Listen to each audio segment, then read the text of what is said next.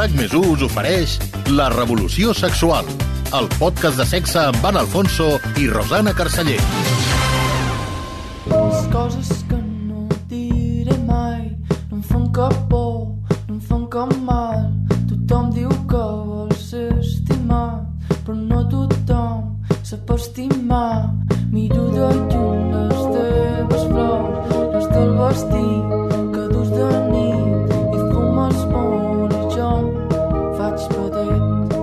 Follamics. Dues persones que són amigues i que mantenen relacions sexuals, però que no tenen una relació de parella. Alguns diuen que ser follamics comporta menys compromís que una relació de parella. A la revolució sexual, però, hem recollit testimonis que expliquen que precisament una relació així necessita molta confiança i comunicar-se constantment. Ara els comentarem. Avui parlem de les relacions de follamics, de si poden funcionar o si estan destinades al fracàs i de què es pot fer perquè funcionin. I ho fem amb la psicòloga, sexòloga i terapeuta de parella Mireia Muñoz, del Centre de Psicologia Online Mireia Muñoz. Mireia, benvinguda de nou a la Revolució Sexual. Un plaer estar aquí amb vosaltres de nou.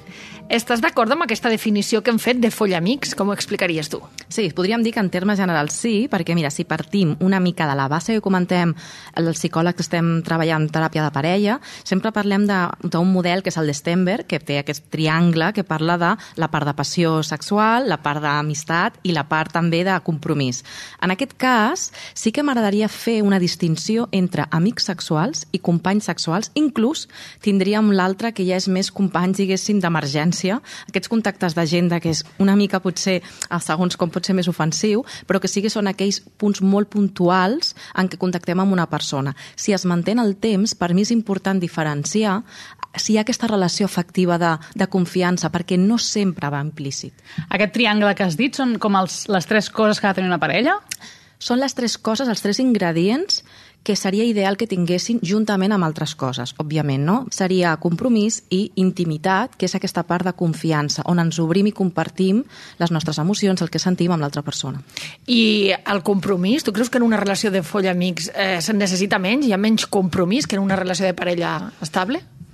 Dependrà, mira, jo m'he trobat amb parelles que la confiança era molt baixa i que realment no compartien gaire el dia a dia, persones molt absortes amb la seva feina, que realment es veuen puntualment un cop acaba el dia, que la relació és freda, i m'he trobat amb altres persones que, sent follamics o tenir una relació realment a nivell sexual sense aquest compromís, tenien una amistat de base que sí que compartien. Llavors, no m'agrada gaire generalitzar, crec que depèn més de les expectatives i del tipus de relació de base que tinguem. És la relació i el vincle que construïm i no tant el tipus de pràctiques que tinguem. Però sí que és cert que a més m'implico en una relació és més fàcil que em pugui obrir. I hi ha persones que pel fet de que estigui enfocat en la sexualitat únicament, tot i que hi hagi una amistat però que ja pensem que no anirà més, potser es poden tancar com una forma de protegir-se. I és més per això. Clar, tu creus que hi ha gent que prefereix una relació de follamics que una relació de parella precisament perquè són aquest tipus de gent que defuig el compromís o que té por de comprometre's? Hi ha moltes persones que, quan a vegades ho treballes a consulta, hi ha por al compromís i a vegades fins i tot eh, inclús surt la paraula agòbio, no? És que m'estic agobiant ja si ens estem veient més, perquè a vegades és com una sensació d'incertesa de a veure si a partir d'ara venen unes passes que no em sento preparat o preparada i és com una forma com de, de terreny pantanós però que jo estic veient com a segur i en realitat són aquestes arenes movedizes que potser no és el que jo vull però és on jo puc controlar perquè des del control també em sento una mica més segur. Eh, pot ser sana una relació de, de follamics? Pot ser sana únicament si les dues persones estan totalment d'acord i les expectatives són comunes. És a dir, podem arribar al mateix lloc si anem pel mateix camí? Sí. Si agafem una, fem una excursió i cadascú tirem cap a un camí diferent, no ens arribarem a trobar. I això, que pot semblar molt obvi, trobem moltíssimes relacions que no es troben perquè els camins que estan portant, tot i que li posin la mateixa etiqueta, no té absolutament res a veure. Clar, o perquè tu pots començar una relació de follamics dient només és sexe, que també podríem parlar d'aquest només és sexe, com si no incloés eh, afecte ni res, però que, que un dels dos eh, s'enamori abans que l'altre, no? Vull dir, el que, el que potser és estrany és que tots dos ho facin exactament al mateix moment. Per començar, hi ha un concepte que és superimportant, que sempre mencionem a les xerrades d'educació sexual. Per mi m'agrada parlar de relacions sexoafectives afectives, perquè la sexualitat, tot i que no tinguem un compromís de parella i no ens anem a casar ni, ni a conviure junts, implica emocions. Per tant, compta amb això perquè he vist moltes persones patint pel fet de no tenir contacte ni, ni cap missatge per part de l'altra persona durant uns quants dies. A lo millor hem tingut un contacte permanentment, gradualment, i de cop i volta un ghosting desapareix al mapa. No, és que no teníem cap compromís. Realment, per no tenir una relació de compromís de parella, significa que puguem fer el que ens doni la gana? No, aquí entraríem amb la responsabilitat afectiva. És una persona amb uns sentiments i, per tant, qualsevol tipus de contacte amb algú ja és una relació, no de parella, però és una relació. I, per tant, es mereix aquest respecte i consideració en el sentit de poder doncs, eh, tenir una, unes bases. Clar, és que tampoc no li has de fer ghosting a un amic, no? De si et pregunta alguna cosa, parlar, deixar-li de parlar. Vull dir, en qualsevol cas tinguis relació de parella estable o no, mm, és tractar bé a la gent, bàsicament, no? Sí, és que a vegades és com que les línies són molt fines i a partir d'aquí cadascú es posa les seves normes i, òbviament, una relació és molt personal entre dues persones, però no podem perdre de vista que al final és important cuidar-nos perquè emocionalment, tot i que no siguem una relació de parella, també podem patir si de cop i volta no tenim notícies o tenim un maltracte. Mm -hmm. eh, tot això, algunes d'aquestes idees és les que, són les que recollim també en alguns testimonis com aquests. Preparant aquest capítol hem parlat amb alguna gent que ens parlen dels follamics i escoltem alguna de les opinions. Jo crec que pot arribar a haver una amistat i només amistat entre dos follamics si a cap dels dos els hi desperta emocions més profundes, que a vegades pot passar, que pots compartir eh, sexe de qualitat i sentir-te cuidada i valorada i respectada amb un amic, no?, amb què comparteixes, amic, amica, que comparteixes sexe, eh, sense que es desperti res més eh, a nivell emocional. Però crec que ara el moment que a un dels dos se'ls desperta algo més emocional, doncs ja és molt complicat sostenir. Difícil si no coincideix que a cap dels dos se'ls desperta res. Sí que crec que, que es pot tenir un foll amigo i de fet, bueno, he tingut i realment es pot seguir tenint la mateixa amistat. Sempre es trenca aquesta situació quan alguna de les dues parts pues, no, ja no li va bé, no? Sigui perquè vol més o perquè, perquè vol menys. Però tot i així, en el meu cas, pues, després vam, vam continuar amb, amb la mateixa situació, amb la mateixa relació. Així que sí, sí, crec que, que es pot tenir folla amiga, folla amigo, i tant que sí. I, i s'ha de tenir també la mateixa confiança i molta confiança per saber dir el que cadascú vol i deixar les coses clares. I estàs d'acord, Mireia? Tu creus que una relació de follamics es pot mantenir sempre que cap dels dos membres vulgui anar més enllà, com, com dèiem? Mira, és complicat que es mantingui des de les mateixes condicions. Vull dir, una relació evoluciona i, per tant, aquesta també.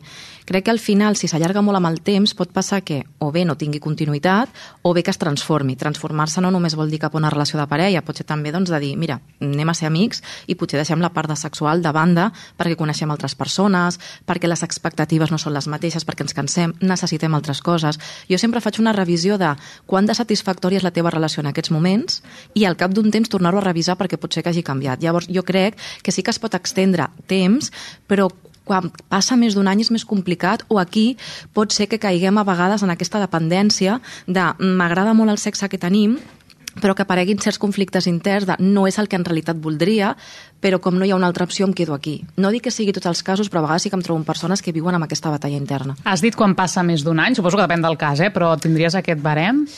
Inclús abans, eh? vull dir que no dic que s'hagi de mantenir aquest temps perquè no podem parlar tampoc de temps estipulats, però sí que és veritat que m'he trobat amb persones que m'han comentat que ha durat molt poc perquè ha sigut insostenible i persones que bé perquè hi havia una molt bona amistat o bé perquè hi havia molt d'enganxe sexual que també podem vincular-nos i crear molta dependència des de la part sexual. Ens agrada molt la part sexual, també ens retroalimenta amb una part afectiva que tenim de base perquè amb altres persones no ho hem trobat, no volem compromís i això s'allarga.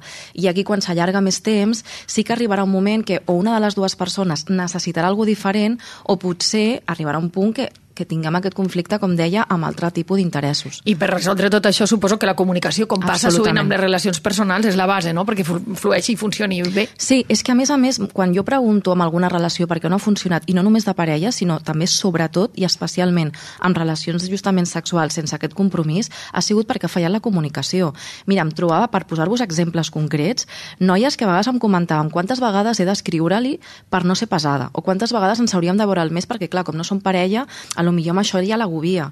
Coses que, a part de demostrar aquesta part d'inseguretat, és que eh, ens estem angoixant i estem vivint una relació que no és des de la llibertat. Precisament ens estem privant d'aquesta llibertat a nivell emocional. I aquí sí que és important comunicar realment què espero, què no espero, perquè això no és de parella, això qualsevol relació està bé que tingui uns termes, si no ens farem un caos mental i patirem absolutament. Quins altres riscos té una relació de follamics? Aquesta de que doncs, un vulgui més i l'altre no? Aquesta de gent que defuig el compromís que dèiem ara? I defuig el compromís perquè ho associen amb una falta de llibertat, que a més a més no té per què vinculat. Però mira, una altra cosa és que vaig llegir en un estudi que 8 com de cada 10 persones no sabia la salut sexual de la, de la seva parella amb la persona amb la que estava. Llavors, sí que és veritat que quan tenim una relació de parella ens exposem al mateix, però és veritat que si, per exemple, tenim no només un, pot ser que hi hagin diferents persones amb qui tinguem unes relacions sexuals mantingudes, encara pot ser que hi hagi també aquest risc a nivell sexual. Per no parlar de que a lo millor um, tinc, i això també passa, hi ha moments que estem vivint una relació de parella però no posant-li el nom. I arriba un moment que dius, ostres, estem tenint una rutina de parella sense posar-li el nom perquè ens espanta una mica i això també ens priva de poder iniciar una relació per una altra banda, perquè al final estic totalment enfocat en aquella persona, però sense tenir allò que a mi m'agradaria, perquè ho hem establert així, i sense molt bé, sense, perdó, sense saber molt bé el punt en el que estem exactament en aquests moments. I pot ser que d'això te n'adonis en alguns casos quan apareixen els gelos pel mig? És com Sí. tipus, tinc una relació de amic, però ah, una cosa, si se'n va amb un altre potser a mi no m'agrada tant. Sí, això és molt comú, de que no estem molt còmodes perquè bueno, no li posem l'etiqueta, zona segura, tenim una relació, sexualment ens ho passem de conya, tenim una bona amistat, però ai, quan jo ja veig, i ja no només perquè inicis una relació amb una altra persona, sinó perquè hi ha un flirteig, hi ha un tonteig, ja no em sento amb aquest punt especial com em sentia abans, on sentia que hi havia una complicitat.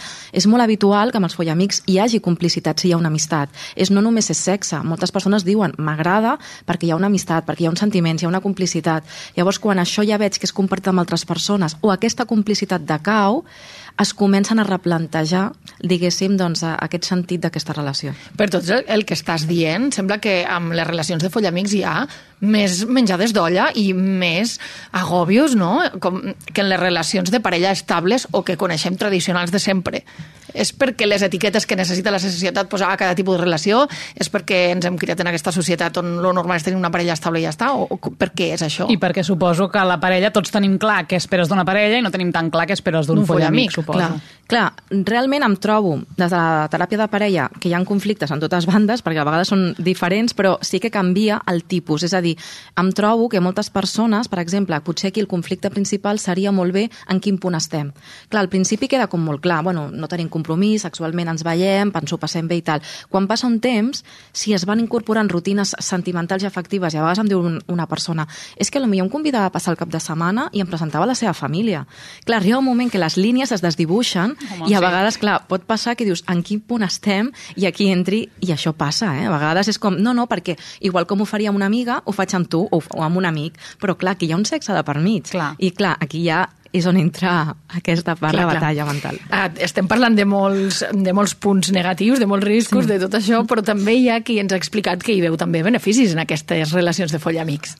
Jo crec que es pot tenir una relació sexual amb un amic o amiga i que segueixi sent el teu amic, això és possible. Ara, hi ha un risc, que és que si una de les dues persones s'enamora o vol intentar anar més enllà i l'altra no, aquí es produeix una fricció i un conflicte d'interessos i pot ser que l'amistat es refredi o s'allunyi molt o inclús es trenqui perquè la persona que vol més necessita distància. Per tant, jo el que considero és que és un risc de que la vostra amistat doncs, eh, trontolli, però també pot ser que es reforci, per altra banda, perquè us cuideu en un aspecte, no us feu mal i us seguiu volent el mateix, o un risc de que l'amistat eh, es trenqui o es distanci. Des del meu punt de vista, si tu confies en l'altra persona, en tu mateix, en què ho sabreu gestionar i que sabreu parlar honestament en cada moment del que necessiteu i del que voleu, val la pena intentar-ho.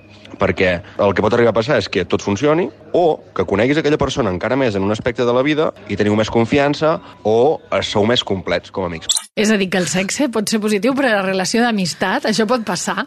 Em fa molta gràcia aquest comentari. Estic d'acord amb ell amb la part de la comunicació, per suposat, està, ser, ser clar, és importantíssim, però clar, sembla com si estigués dient que anem a tenir sexe amb els nostres amics perquè enfortirem les nostres relacions de- d'amistat, no? Llavors, clar, aquí vull fer un petit matí matís, perquè sí que és cert que, òbviament, si la relació està consolidada, probablement ens entendrem millor i per poder parlar de les coses, del que ens preocupen, de les nostres diferències, serà més fàcil que amb una persona amb qui no tingui la confiança per expressar-li, mira, jo amb això no em sento còmode, sigui sexual, sigui sentimental. Ara bé, no per tenir sexe enfortirem la relació. La relació serà forta o no per altres coses, no precisament per això. Precisament aquesta complicitat que hi ha en l'amistat i aquesta confiança, i que de vegades amb la parella no tenim la confiança de dir què és el que t'agrada sexualment, que això ho hem parlat moltes vegades als uh -huh. capítols de la revolució sexual. Uh -huh. Entre els follamics se suposa que hi ha més coneixement del que li agrada a l'altre o més confiança i que, per tant, el sexe pot ser de més qualitat.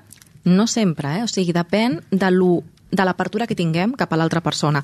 Sí que és veritat que hi ha persones que tenen com molt clar, mira, vinc aquí, aquesta és la funció, i per tant hi ha com bueno, un catàleg, diguéssim, d'explicació del que volem cadascun, però hi ha altres persones, i pel que comentàvem abans, no s'obren tant perquè tenen por d'agafar-se els dits i a vegades, doncs, encara que tingui això més a veure amb la part de sentiments, també poden tenir menys, o sigui, més vergonya o més eh, incomoditat a l'hora d'expressar-se. Llavors, sí que em trobo una mica en els dos costats. També jo sempre plantejo, perquè al final la meva funció també com a psicòloga és intentar ajudar a reflexionar una mica les persones què busquen en aquesta relació. Llavors no és tant el què, és el com. I, per exemple, hi ha persones que a vegades és com ai, m'encanta com em tracta, o em sento pues, valorat o valorada, Llavors és, és més una funció de plaer, perquè aquella persona t'atrau i tens tota la llibertat del món per tenir relacions sexuals amb aquella persona, busques una companyia, evitar la soledat, sentir-te estimat, perquè al final reps afecte i carinyo, moltes vegades és important veure aquelles coses que potser no prenem consciència, no perquè estigui malament, sinó per adonar-nos de tot el mapa i només d'una petita part. Escoltem altres testimonis ara que parlem, per exemple, de, doncs, que depèn del caràcter es pot tenir doncs, relacions de follamics que vagin bé o també que això de l'amistat i el sexe tot alhora és impossible que funcioni. Tindre sexe amb una amiga una vegada esporàdica i que no afecti negativament a l'amistat em sembla realment difícil, no impossible, perquè conec gent que ho ha fet i han seguit igual de bé, però des de la meva experiència personal, si no ha sigut arrel de ja estar de rotllo o està començant una relació o alguna cosa així, sí que s'ha vist malmesa l'amistat. La, no he tingut mai cap foll amic i no crec que el tingui mai perquè bàsicament considero que és inviable. És a dir, jo amb una persona amb la que tinc una amistat i que és una amistat de veritat, de debò, traspassar el límit i follar, mantenir relacions sexuals, jo crec que acaba sorgint una incomoditat extrema perquè, clar, és com follem, però després quedem amb el grup d'amics per sopar o prendre qualsevol cosa. La situació és molt estranya, és, és, és rara. A més, no? si també tens aquesta confiança amb aquesta persona i un dia t'atrau algú, no? o et comença a agradar molt, o inclús vols mantenir una relació sentimental, li acabes explicant, no pot sorgir certa gelosia per part seva i també tu t'acabes cohibint, no? perquè dius, potser no li dic a aquesta persona perquè pot pensar segons què. Jo crec que és inviable i per això no l'he no tingut i no crec que la tingui mai. Jo crec que sí, que es pot tenir un foll amic o foll amiga i mantenir intacta l'amistat, però també crec que, que això dependrà bastant de la personalitat o el caràcter de cadascuna de les persones involucrades en aquesta relació. Crec que ho portaran d'una manera més sana les persones per qui el sexe és sexe, és una cosa física i ja està, que aquelles persones que, que tenen més facilitat potser per crear un vincle amorós amb el contacte físic o, o amb aquestes situacions més, més íntimes. Creus que és així, Mireia, que hi ha persones que, clar, quan tenen intimitat física de pell a pell amb un altre ja creen molt vincle i hi ha emocions molt fortes allà o depèn del caràcter de cadascú? Depèn del caràcter i, i depèn també de, de, com parlàvem abans de l'autoengany, de les necessitats, perquè hi ha persones que precisament, a part de que tinguin un caràcter enamoradís, no vol dir que no puguin ser compatibles en poder tenir relacions sexuals sense, sense sentiments, però moltes vegades, bueno, sense sentiments no perquè sempre n'hi ha, però sense vincular-se amb un compromís. Però també és cert que hi ha persones que realment, tot i que a vegades no ho reconeguin, tenen moltes ganes de tenir un vincle més especial amb algú. Llavors crec que al final és molt fàcil creuar la línia, perquè a la mínima que hi ha una, un contacte repetit i es va mantenint en el temps, cada vegada hi ha més confiança i com tenim una mica, i també pels mites romàntics, aquesta idea de l'amor idealitzada moltes vegades, dius, per què no? Aquesta persona que tinc a l'abast de la mà, si jo tinc aquesta il·lusió per enamorar-me, si jo he tendit a fer-ho, si les meves necessitats i els meus valors tiren cap aquí, al final miraré cap a la persona més a prop, si és possible. Molts d'aquests testimonis que hem sentit són molt joves, o semblen molt joves. Um, hi ha una edat per tenir follamics? És una cosa més de gent jove? És una cosa més de gent gran? És una cosa en general de tothom, però sí que és veritat que amb la gent jove és molt habitual i no tan jove, Però vull dir que sí que és veritat que en edats, quan conforme ens anem fent més grans, poden passar encara potser una mica més certes idees de com ha de ser una relació de parella, poden haver més prejudicis adquirits per l'educació rebuda. Però si anem a la gent jove, també, mira, vaig llegir un estudi, però això és de fa 3 anys, de que el 50% en algun moment mm, de la població havia tingut algun foll amic sense un compromís i de més. Per tant, és molt comú, és molt factible. Potser el que canviaria és la durabilitat. És a dir, que al final, quan estàs tenint una relació, el fet de que mm, vagis coneixent i arribi més lluny o menys, sí que dependrà del que realment jo busco i de si em sento còmode o no. Un dels nois que hem escoltat ens deia això, deia això de quina situació més incòmoda, no?, quan hi ha una, uns follamics que quedes amb tot el grup d'amics i, clar, els altres, si ho saben, es creen situacions incòmodes. Tu creus que aquestes relacions de follamics és millor que siguin secretes, que no ho sàpiguen l'entorn, o al contrari? Què creus que va millor? Sempre penso que quantes més persones s'hi fiquin en qualsevol relació que tinguis és pitjor perquè al final sempre poden opinar, sempre poden haver-hi bromes, que a vegades puguin interferir en una relació de parella, per exemple, quan tu no vols que se sàpiga, òbviament, quan ja està normalitzada és diferent, però és, al final és el vostre espai, la vostra intimitat, i vosaltres decidiu quan, com i de quina manera. Quan és, en aquest sentit, basada en follamics, amb una relació de nivell sexual, és molt personal. Hi han persones que al final, clar, eh, com el comparteixen el mateix grup i no hi ha secrets, és tan inevitable que se sàpiga que jo sempre penso, quanta més naturalitat millor, perquè si es descobreix i al final intentes dissimular serà pitjor. I com a mínim, doncs, bueno, li poseu un punt d'humor vosaltres i ho viu amb aquesta transparència.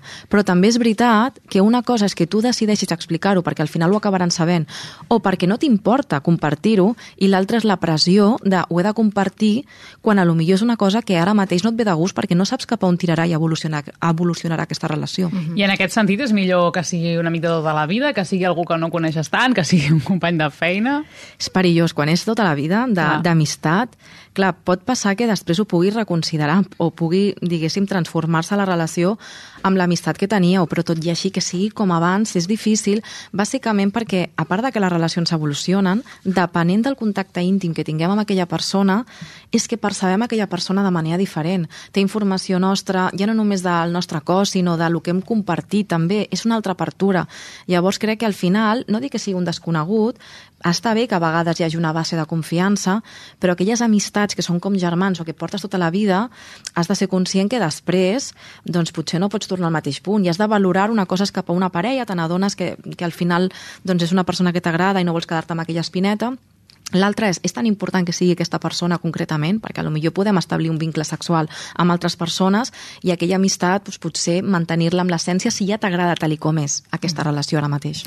I tenim un altre testimoni d'una noia que ens explica això. Yo no he tenido folla amigos, o sea que no tengo ni idea. Lo único es que con un amigo sí que es verdad que, que nos enrollamos en mi casa, pero en plan besos y tal, o sea, tampoco fue la cosa a más. Y a día de hoy somos amigos, no somos amigos íntimos, nos vemos de uvas a peras y estamos bien y tal, y ya está, ¿sabes? Pero es eso, no es un amigo cercano, o sea, era un amigo de, de la pandilla, ¿sabes? Y cuando, cuando me lo encuentro, pues estamos como si no hubiese pasado nada, o sea, de guays.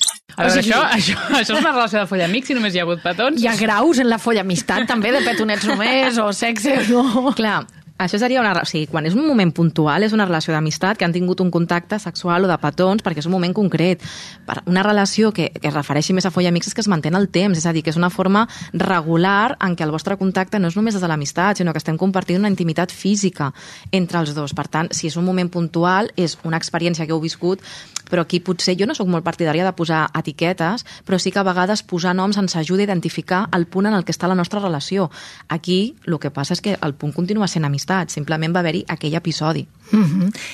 Clar, moltes parelles, eh, que potser ens estan escoltant, van començar sent follamics, no?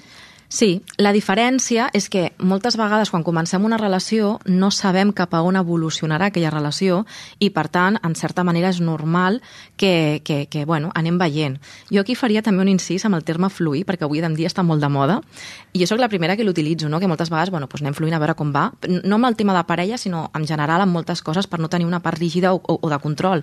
Però una cosa és això, i faig la conya de, i l'altra és que sembli això com el riu Llobregat, no? que això, el tema de que va fluint vagi una mica sin ton ni son, diguéssim, sense cap tipus de direcció. Perquè moltes vegades des d'aquí el que parlàvem abans, estem deixant de considerar l'altre. És com anem fluint i el anem fluint no és, escolta, ara és aviat per, per prendre decisions, no ens coneixem prou, sinó que s'utilitza des del desinterès de mira, jo al final faré el que em dongui la gana. I això tampoc és egoista, vull dir, no és just. Per tant, si ho enfoquem des del anar-nos coneixent, està bé, perquè no podem establir potser una relació amb uns paràmetres sense conèixer-nos prou, però compte que realment no sigui una excusa per quedar-nos amb una relació que no anirà més enllà i, en canvi, per l'altra sí que ho faria. Hem parlat amb Mireia Muñoz, psicòloga, sexòloga i terapeuta de parella del Centre de Psicologia Online Mireia Muñoz. Gràcies per aquesta estona amb la revolució sexual. Un plaer, com sempre. Under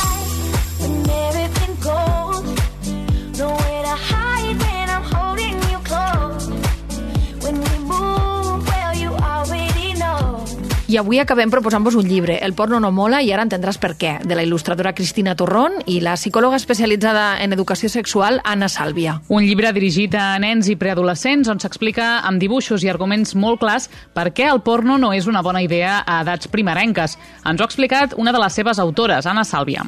En aquest llibre expliquem als nois i noies què és el porno i com els afectarà, perquè així puguin prendre les seves pròpies decisions. Va dirigit a preadolescents i adolescents a partir d'11 anys amb l'objectiu d'arribar abans de que comencin a consumir-ne. Però de ben segur que ajudarà a moltes famílies i professionals a parlar-ne i a prendre decisions per protegir els menors. A tots plegats us expliquem 5 raons per les que el porno no mola i molts recursos per evitar que el porno es converteixi en el principal educador sexual de les noves generacions. El porno no mola i ara entendràs per què, l'edita Montena. I amb aquesta proposta, com sempre, us desitgem salut i bon sexe. RAC més us ha ofert La Revolució Sexual, el podcast de sexe amb Van Alfonso i Rosana Carceller i el disseny de so de Salva Coromina.